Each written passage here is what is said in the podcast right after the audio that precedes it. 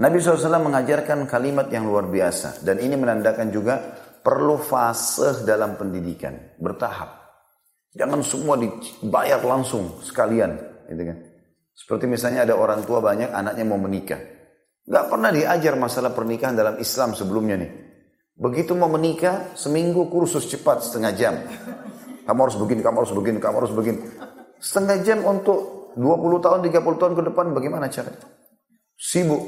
Kadang-kadang ayahnya nasihati petua setengah jam, ibunya lagi begitu. Padat. Ini sebentar lagi malam pertama. Dalam kondisi dia tegang. Cicil. Anak perempuan masukin ke dapur. Ajak. Sekali-sekali pegangin sapu.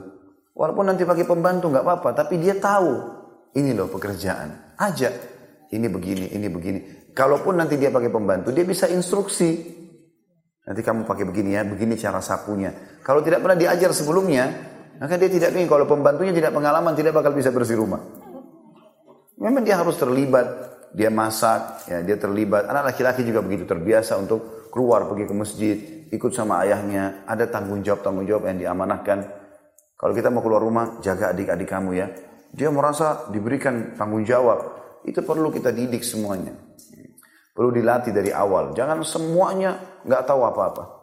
Bahkan dia tidak pernah tahu apa itu mesin cuci, nggak pernah lihat, nggak pernah lihat sapu, nggak pernah tahu apa-apa sama sekali. Enggak, biarin dia tahu suka dukanya kehidupan. Ya, bukan kita suruh dia bekerja di rumah tidak.